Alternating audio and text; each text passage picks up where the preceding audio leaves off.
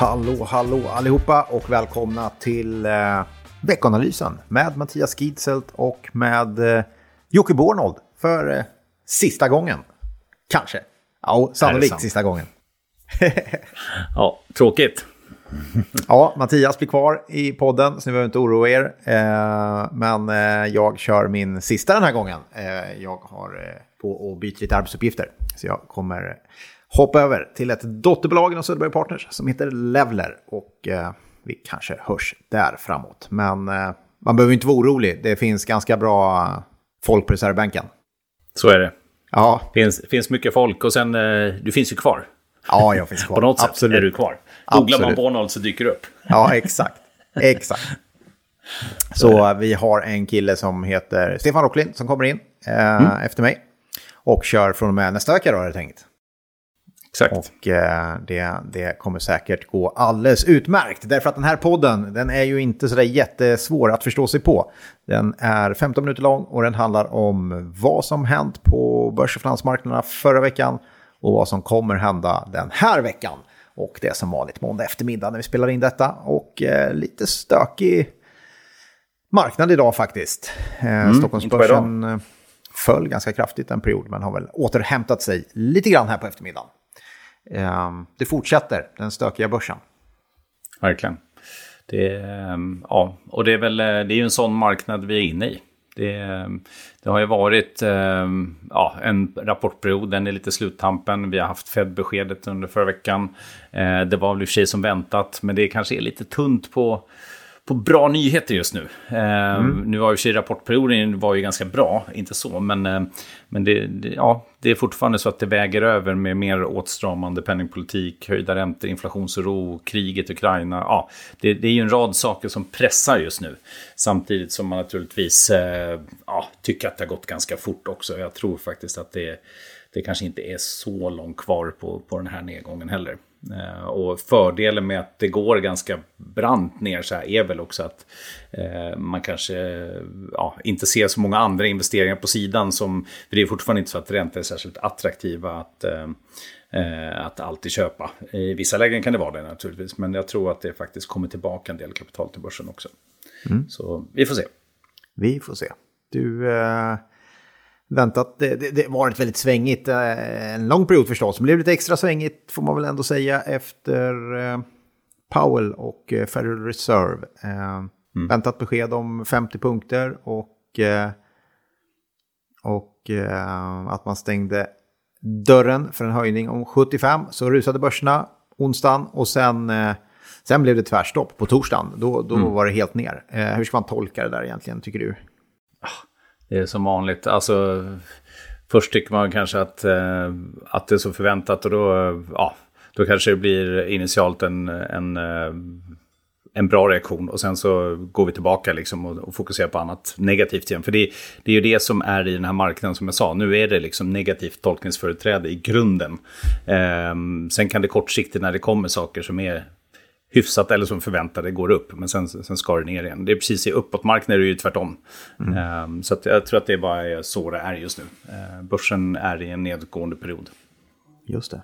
Vi hade ju en eh, stökig start på veckan. Det hann vi kommentera redan förra, förra podden om det här feltrycket som var på Stockholmsbörsen. Mm. Um, och det kan man ha många åsikter om och det är många som har haft åsikter och jag är en av dem. Men eh, det här att det blir lite oroligt efteråt ja, dels kanske feltrycket i sig, men det som kom ut och det man tror i alla fall är ju att det var en ganska stor order som lades i Europa. Jag tror att det är Bloomberg eller Financial Times som har grottat i det där och konstaterat att det var en ganska stor order som gick ut över hela börserna och fick börserna att sjunka.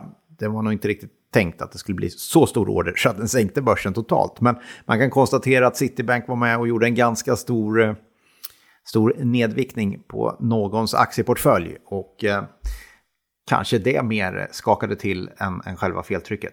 Jag vet inte. Men, eh, men eh, så, så var det i alla fall. Du, eh, makrofronten, hur var det där förra veckan?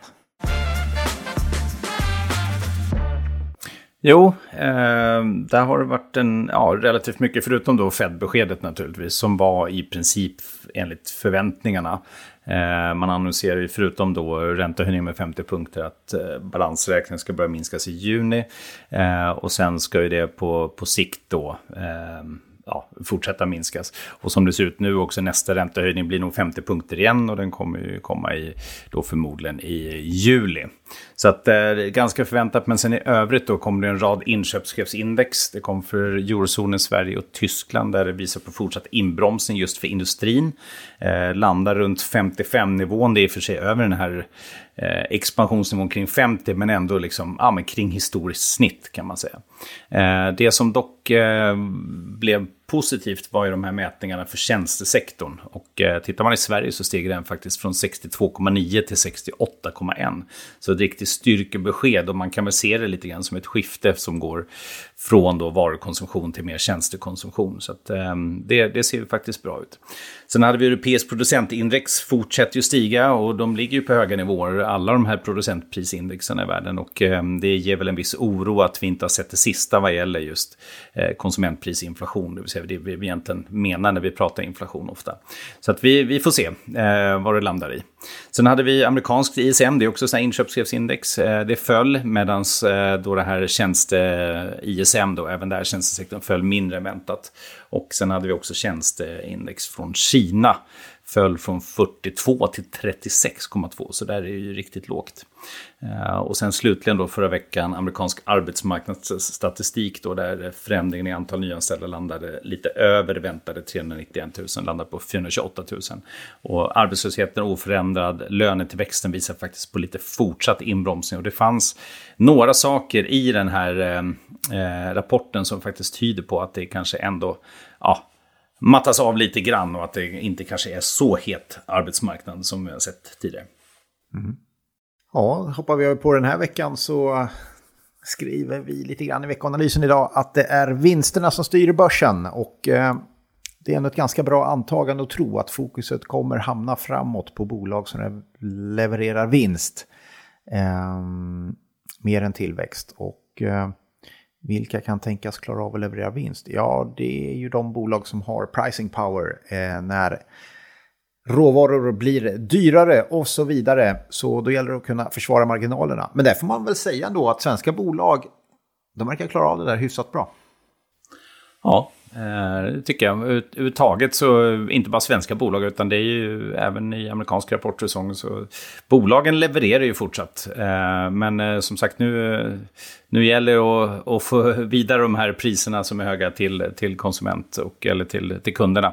Eh, och försvara sina marginaler. Och ehm, det gör ju att det blir verkligen fokus på på kvalitet i tillväxten, inte bara addera tillväxt som kanske inte alltid är lönsamhet. Eh, så blir det verkligen. När vi kollar eh, lite marknad och makro för den här veckan, då är det förstås inflationen som är eh, väldigt spännande att följa. Kommer, ja, den, ha det... schyssta, kommer den ha schyssta inflationsstatistik? Eh, det kommer alltid kommer. schyssta siffror mm. eh, när jag presenterar dem. Ja. Eh, det kommer faktiskt från, eh, från flera stora länder och amerikanska då är ju den viktigaste och den väntas ju ha toppat och vänt ner faktiskt. Eh, från 8,5 till 8,1 procent.